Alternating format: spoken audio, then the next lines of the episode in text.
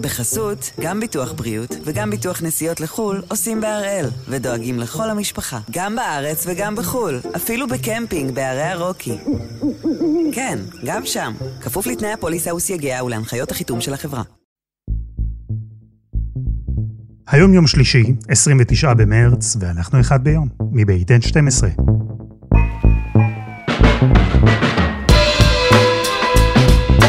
אני אלעד שמחיוף, אנחנו כאן כדי להבין טוב יותר מה קורה סביבנו, סיפור אחד ביום, כל יום.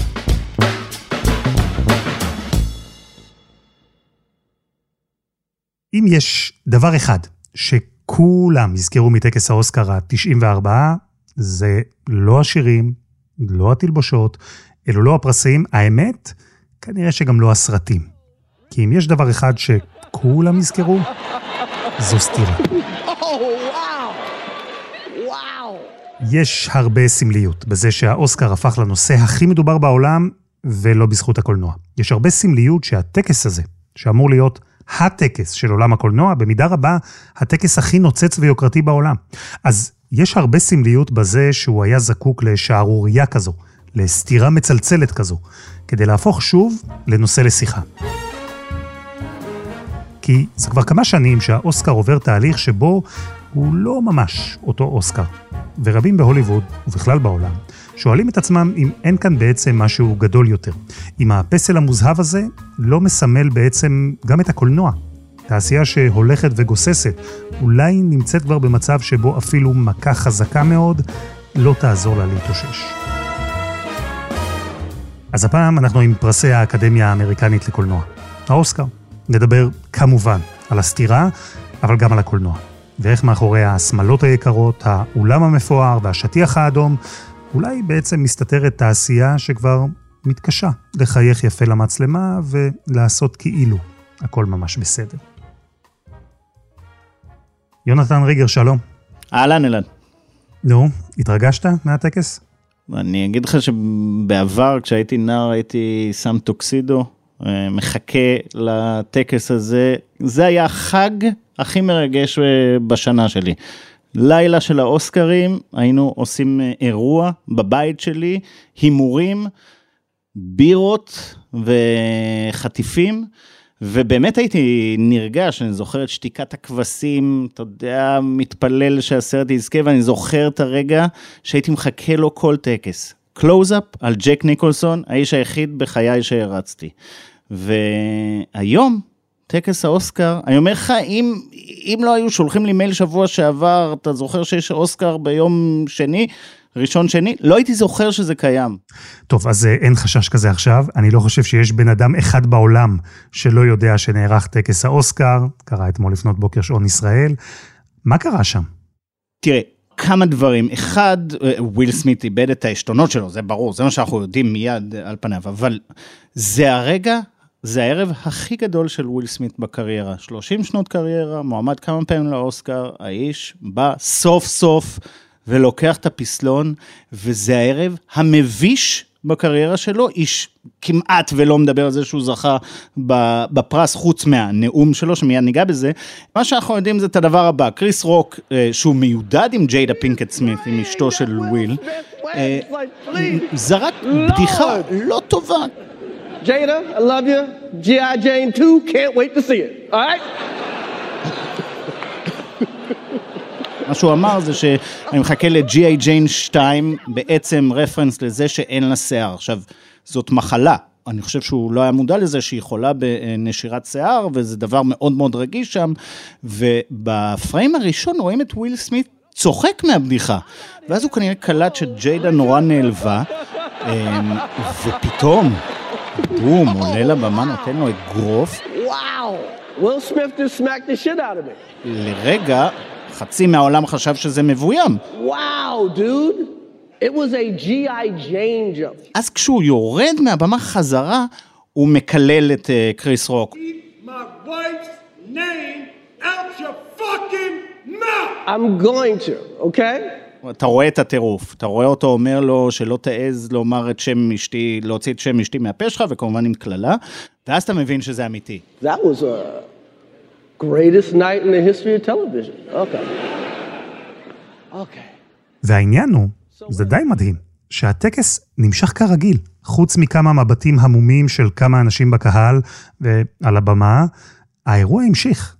וכמה, בערך חצי שעה אחרי התקרית הזו, וויל סמית זכה בפרס השחקן הטוב ביותר, ושוב עלה על הבמה. And the Oscar goes to... Will וויל סמית עולה, ובקול נרגש שם רועד ובדמעות, מדבר על כך שהוא בעצם כמו ריצ'רד וויליאמס, שאותו הוא גילם, האבא של אה, סרינה וונוס וויליאמס, מגן על המשפחה שלו, והאהבה עושה אה, דברים משוגעים מבחינתו, ואז הוא נותן איזו אנקדוטה ששופכת אה, הרבה אור על מה שקרה שם, שדנזל וושינגטון, שהפסיד לוויל סמית בקרב על הפסלון, לקח אותו הצידה ואמר לו, שמע, בערב הכי גדול בקריירה שלך, ברגע שאתה הכי בהיי, זה הרגע שבו השטן יכול לתקוף אותך ולהרוס לך. Denzel said to me a few minutes ago, he said, at your highest moment, be careful, that's when the devil comes for you. זה בדיוק מה שקרה. כן, לגמרי. וההתנהגות של וויל סמית, היא העפילה על טקס שבכל זאת, צריך לומר, הייתה בו בשורה, היה בו אה, תקדים. לגמרי, קודה זוכה פעם ראשונה שסטרימר זוכה. סרט שבישראל, אלעד, אנחנו לא יכולים בכלל לראות בקולנוע. הסרט הטוב של השנה, אתה יכול לראות אותו רק בטלוויזיה, גם אם יש לך אפל TV. זהו, שזה דבר שבעצמו די מדהים כשחושבים עליו. שהסרט שנבחר כסרט הטוב ביותר, זו הקטגוריה הכי חשובה, בטקס הכי חשוב, הסרט הזה הוא בכלל לא סרט קולנוע. וזו שבירה של מונופול ארוך שהיה לקולנוע, למסך הגדול, על מה זה בכלל סרט? מה זה אומר להיות סרט?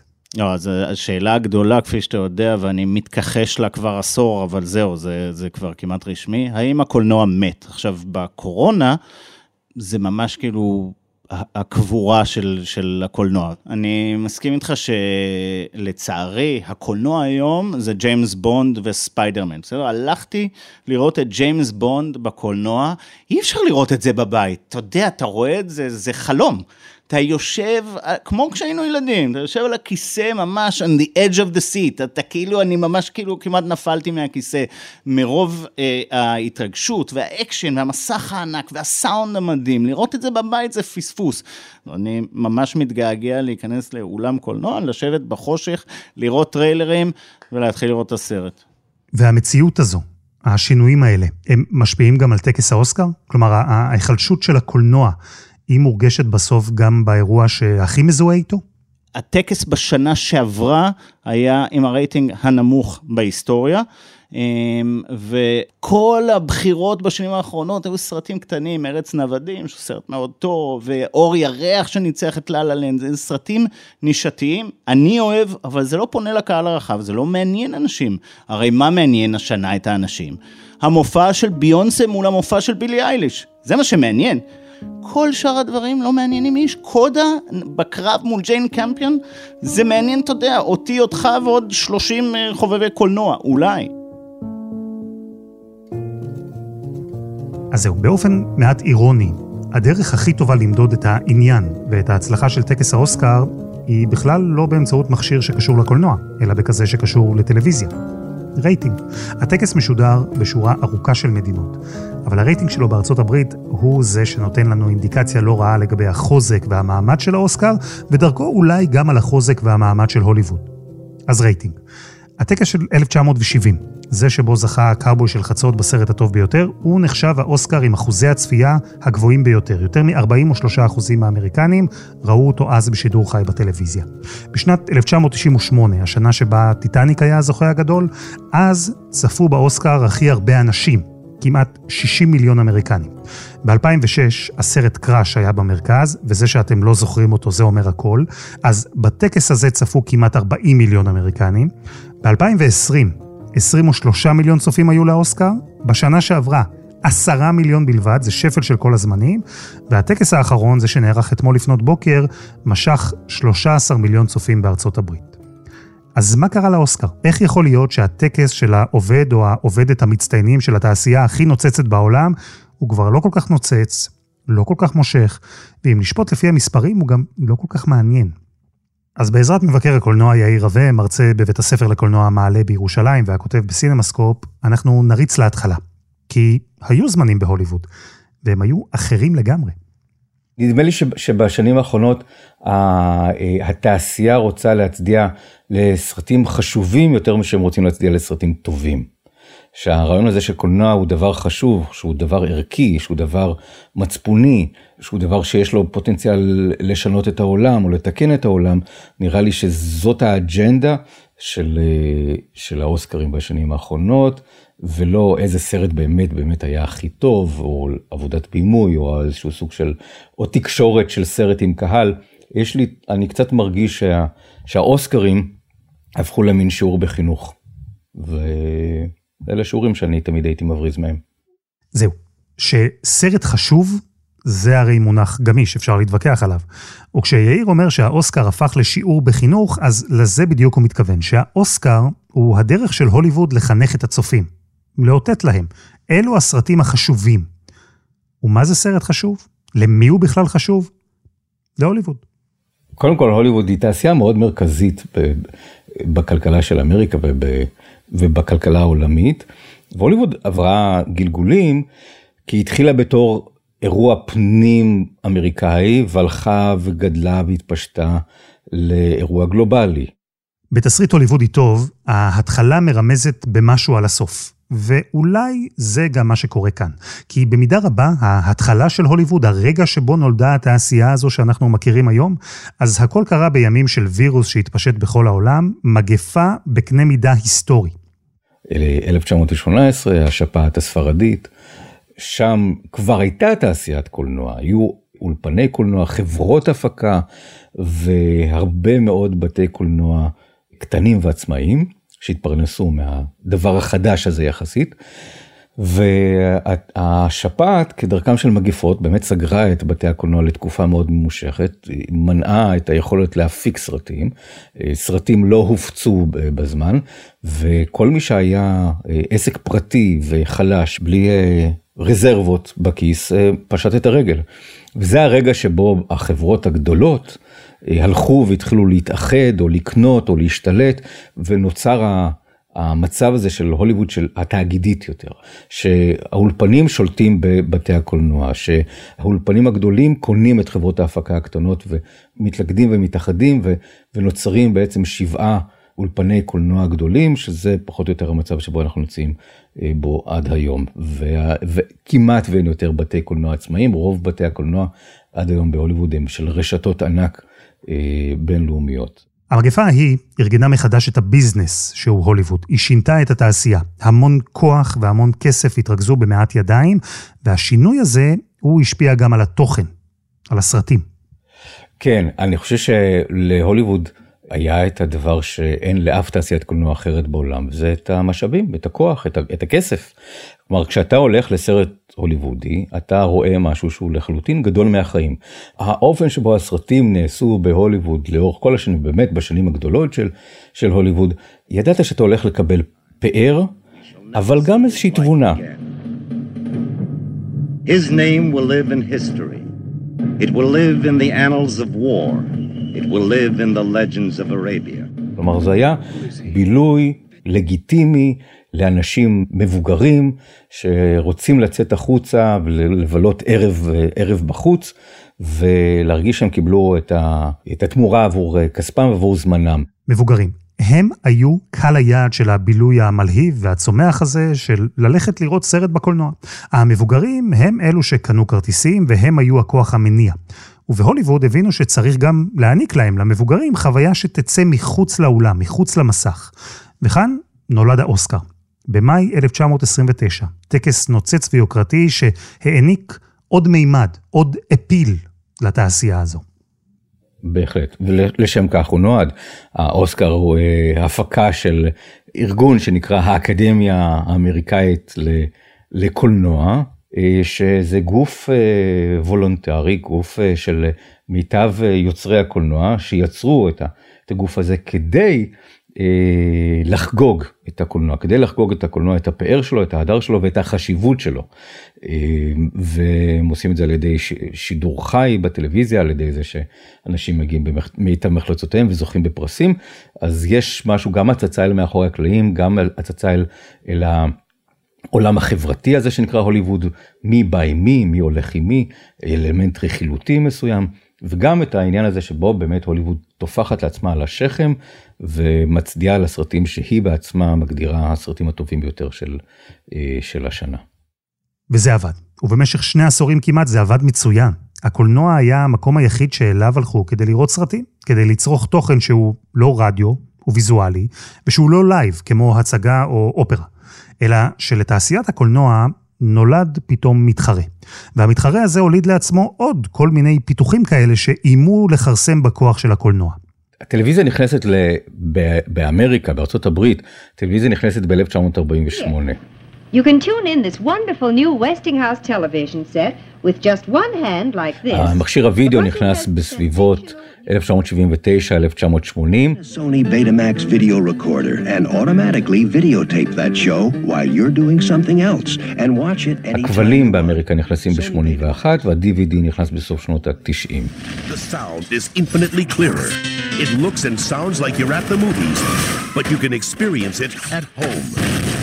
בכל רגע כזה שבו יש עוד אה, אופציה לחוויה ביתית, בכל רגע כזה מישהו מסמן את זה כמשבר עבור תעשיית הקולנוע, משבר מוצדק דרך אגב, כי באמת ברגע שיש יותר אופציות ביתיות אז יש פחות תמריצים לצאת, אה, לצאת החוצה, אה, כן, בייביסיטר, אה, חנייה, פופקורן, כל, כל הדברים האלה ש, שעולים כסף וצורכים זמן, אז צריך ש, שהסרטים יהפכו לאירועים יותר ויותר, יותר ויותר גדולים. הטלוויזיה והאביזרים הנלווים שלה הם גרמו לקולנוע לחשוב על דרך חדשה. הטלוויזיה בעצם אילצה את הקולנוע להמציא את עצמו מחדש. וכן, היו כל מיני סרטים חשובים, פורצי דרך, משני מציאות, אבל היה סרט אחד שעיצב את התעשייה. אחריו, הכל נראה אחרת. קודם, חסות אחת, וממש מיד חוזרים.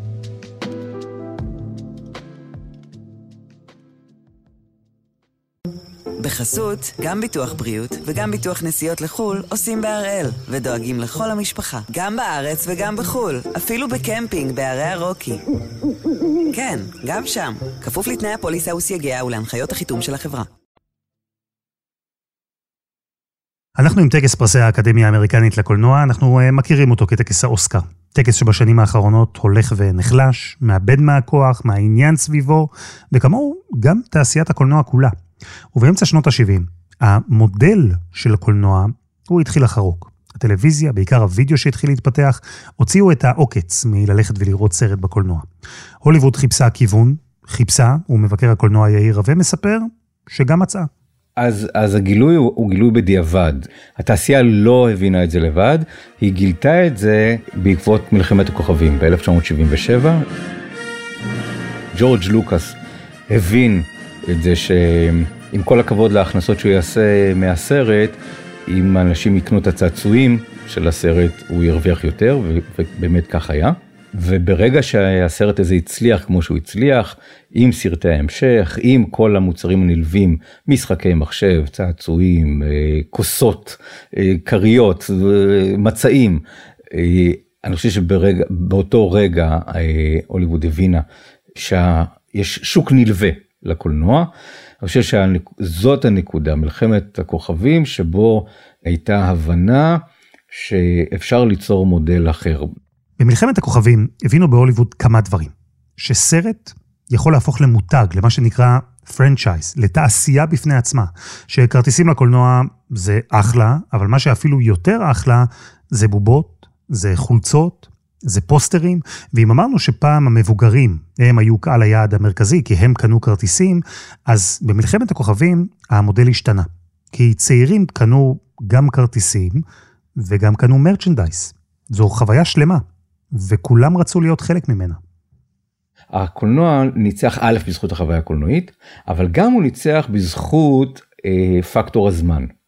כלומר, אם יוצא מלחמת הכוכבים, אז אתה יכול לראות אותו עכשיו ברגע זה עם כל העולם בעבור אה, כך וכך דולרים בקולנוע, או לחכות שנה ולראות אותו בבית. כלומר, ואז תראה את זה בחינם בבית. הכסף והמאמץ שלך מרוויח לך זמן ואז האינטרס של הוליווד זה ליצור אירועים כאלה שאתה רוצה להיות חלק מהם בזמן אמת. החוויה הקולנועית זה לא רק האפקטים והסאונד והמסך הגדול והפופקורן, זה להיות חלק ממשהו בזמן שהוא קורה. והקולנוע הצליח במשך עשרות שנים להיות המקום הראשון, המקום הבלעדי שבו זה קורה. האירועים התרבותיים הגדולים, הסצנות שכולם דיברו עליהן. לוק, I am your father, או קייט ווינסלט שנותנת לדקפריו לטבוע, למרות שכולנו יודעים שהיה לו לגמרי מספיק מקום שם על חתיכת העץ הזו. אם הייתם רוצים לראות יחד עם כל העולם את הדברים האלה, זה היה אפשרי רק בקולנוע. ואז הגיע הסטרימינג, והכל השתנה. כשאנחנו מדברים על סטרימינג אז מי שבא ושינה את המודל זה נטפליקס. נטפליקס היא היא המהפכנית בסיפור הזה. נטפליקס, החידוש שהם הביאו לעולם זה שהם גם האולפן והם גם בית הקולנוע. הם מייצרים בעצמם את, את הסרטים והם מפיצים את הסרטים בעצמם בשירות הסטרימינג שלהם. כלומר, אם אתה רוצה להיות בתוך השיח הגלובלי הזה של כולם, האנשים שרואים את אה, רומא למשל, או את אה, אל תסתכלו למעלה, אה, אתה צריך להיות בנטפליקס. בקולנוע אתה לא תראה את זה. אה, אז הם, הם אה, נטרלו את, אה, את פונקציית הזמן. אז היו ספריות תוכן, מה שנקרא VOD, לפני נטפליקס, אבל נטפליקס לקחה מהקולנוע את מה שהפך אותו לכוח, את היכולת להיות המקום היחיד שבו מיליוני אנשים מכל העולם יכולים בעצם להיות ביחד, בזמן אמת, להיות חלק מחוויה תרבותית.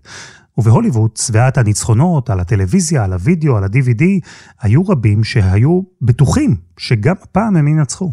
אני חושב שהוליווד ותעשיית הסרטים בכלל, אולי הם ידעו ש, שיש שם איזושהי סכנה באופק, קצת כמו שמדברים לפעמים על, על, על, על משבר האקלים, אנחנו יודעים שזה שם, אבל, אבל זה לא, כרגע לא פה, אז אין לנו מה לעשות עם זה.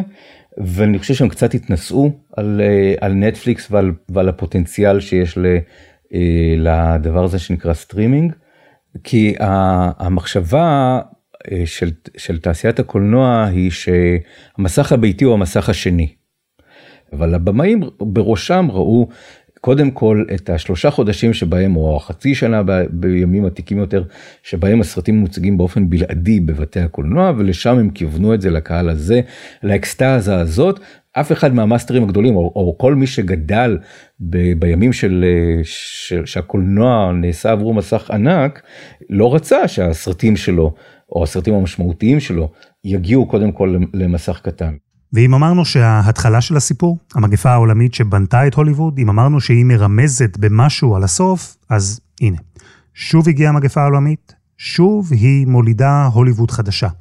הפעם היא לא חזקה יותר, אולי אפילו להפך, כי אם אמרנו שנטפליקס נתנה לאנשים את האפשרות להישאר בבית ועדיין להיות חלק מחוויה, חוויה שעד אז רק הקולנוע אפשר, אז פתאום הגיעה הקורונה, ופתאום לא הייתה ברירה, אלא להישאר בבית. הוליווד הבינה את זה. ההשקה של שירות אה, הסטרימינג דיסני פלוס הייתה הנקודה הזאת שבו האולפן הכי חזק בהוליווד הפך להיות המתחרה הכי גדול של עצמו בעולם הסטרימינג. אה, הם הפנו משאבי ענק מבחינת תוכן ויצירה אה, לשירות הסטרימינג. כשבדיסני אמרו שהם יוצרים, הולכים ליצור את הדבר הזה נקרא דיסני פלאס, התחושה הייתה שזה יהיה, שזאת תהיה ספרייה, שזה יהיה המקום עבור הורים בעיקר, אה, לראות את כל תכני העבר שדיסני יצרו ואת כל הסרטים שדיסני מוציאים לבתי הקולנוע בסמוך ליציאתם ושלכולם יהיה מאוד משתלם אה, לעשות מנוי לזה בתור מין סוג של בייביסיטר.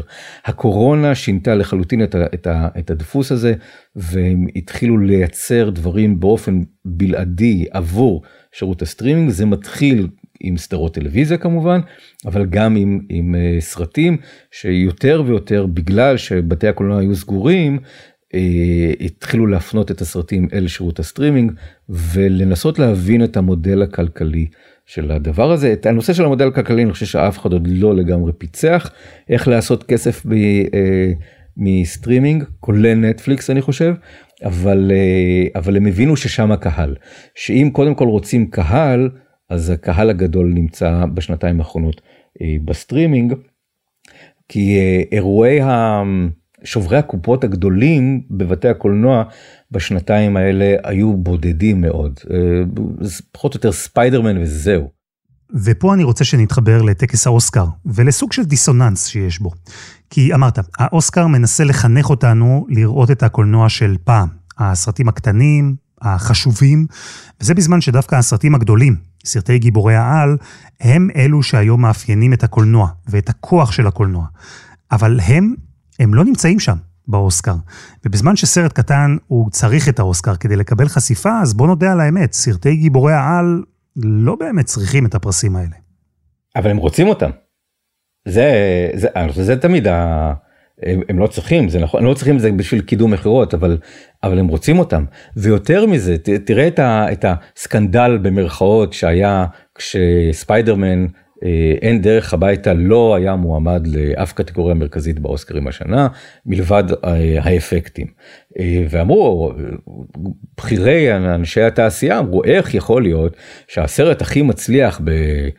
לא יודע, כך וכך השנים האחרונות, הסרט היחידי שהקהל הרחב בכל העולם רצה לראות, איך הסרט הזה מכל הסרטים בעולם לא מועמד לאוסקר.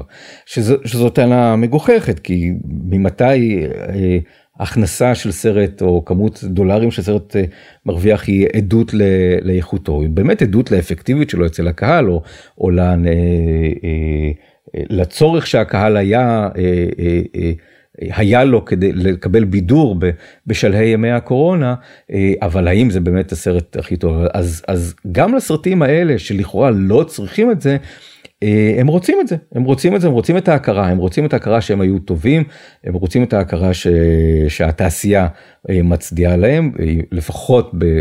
ברמה של מועמדות. ואחרי הזכייה של קודה, בטקס האחרון, סרט שיצא בשירות של אפל TV, שירות סטרימינג, סרט של טלוויזיה, לא סרט של קולנוע.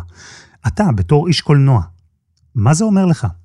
שהגענו למצב שבו הסטרימינג נחשב לקולנוע לכל דבר, ושאנחנו נמצאים ברגע מאוד מעניין מבחינת הוליווד, שבו הסרט עצמו הוא החשוב ולא המקום שבו צפינו בו. ו, וזה גם משהו שאומר משהו מעניין על, על התעשייה ועל התוכן הזה שנקרא קולנוע, שגם אם רואים אותו בבית או גם רואים אותו באולם אה, גדול ומפואר, אה, כך או כך הסרט יותר חשוב מהמסגרת שבתוכה ראינו אותו. יאיר רווה, תודה רבה. בשמחה. ותודה ליונתן ריגר. וזה היה אחד ביום, של N12. אנחנו מחכים לכם בקבוצת הפייסבוק שלנו, אחד ביום, הפודקאסט היומי. ספרו לנו מה הסרט האהוב עליכם, או שתפו זיכרון יפה מהקולנוע. אנחנו ממש רוצים לשמוע. העורך שלנו הוא רום אטיק, תחקיר והפקה דני נודלמן, עדי חצרוני ורוני ארניב. תודה גם לרון שמואלי. יאיר בשן יצר את מוזיקת הפתיחה שלנו, ואני אלעד שמחיוף. אנחנו נהיה כאן גם מחר.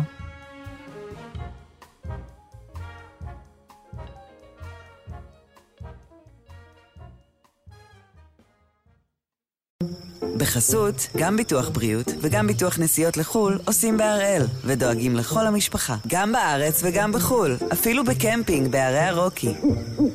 כן, גם שם, כפוף לתנאי הפוליסה וסייגיה ולהנחיות החיתום של החברה.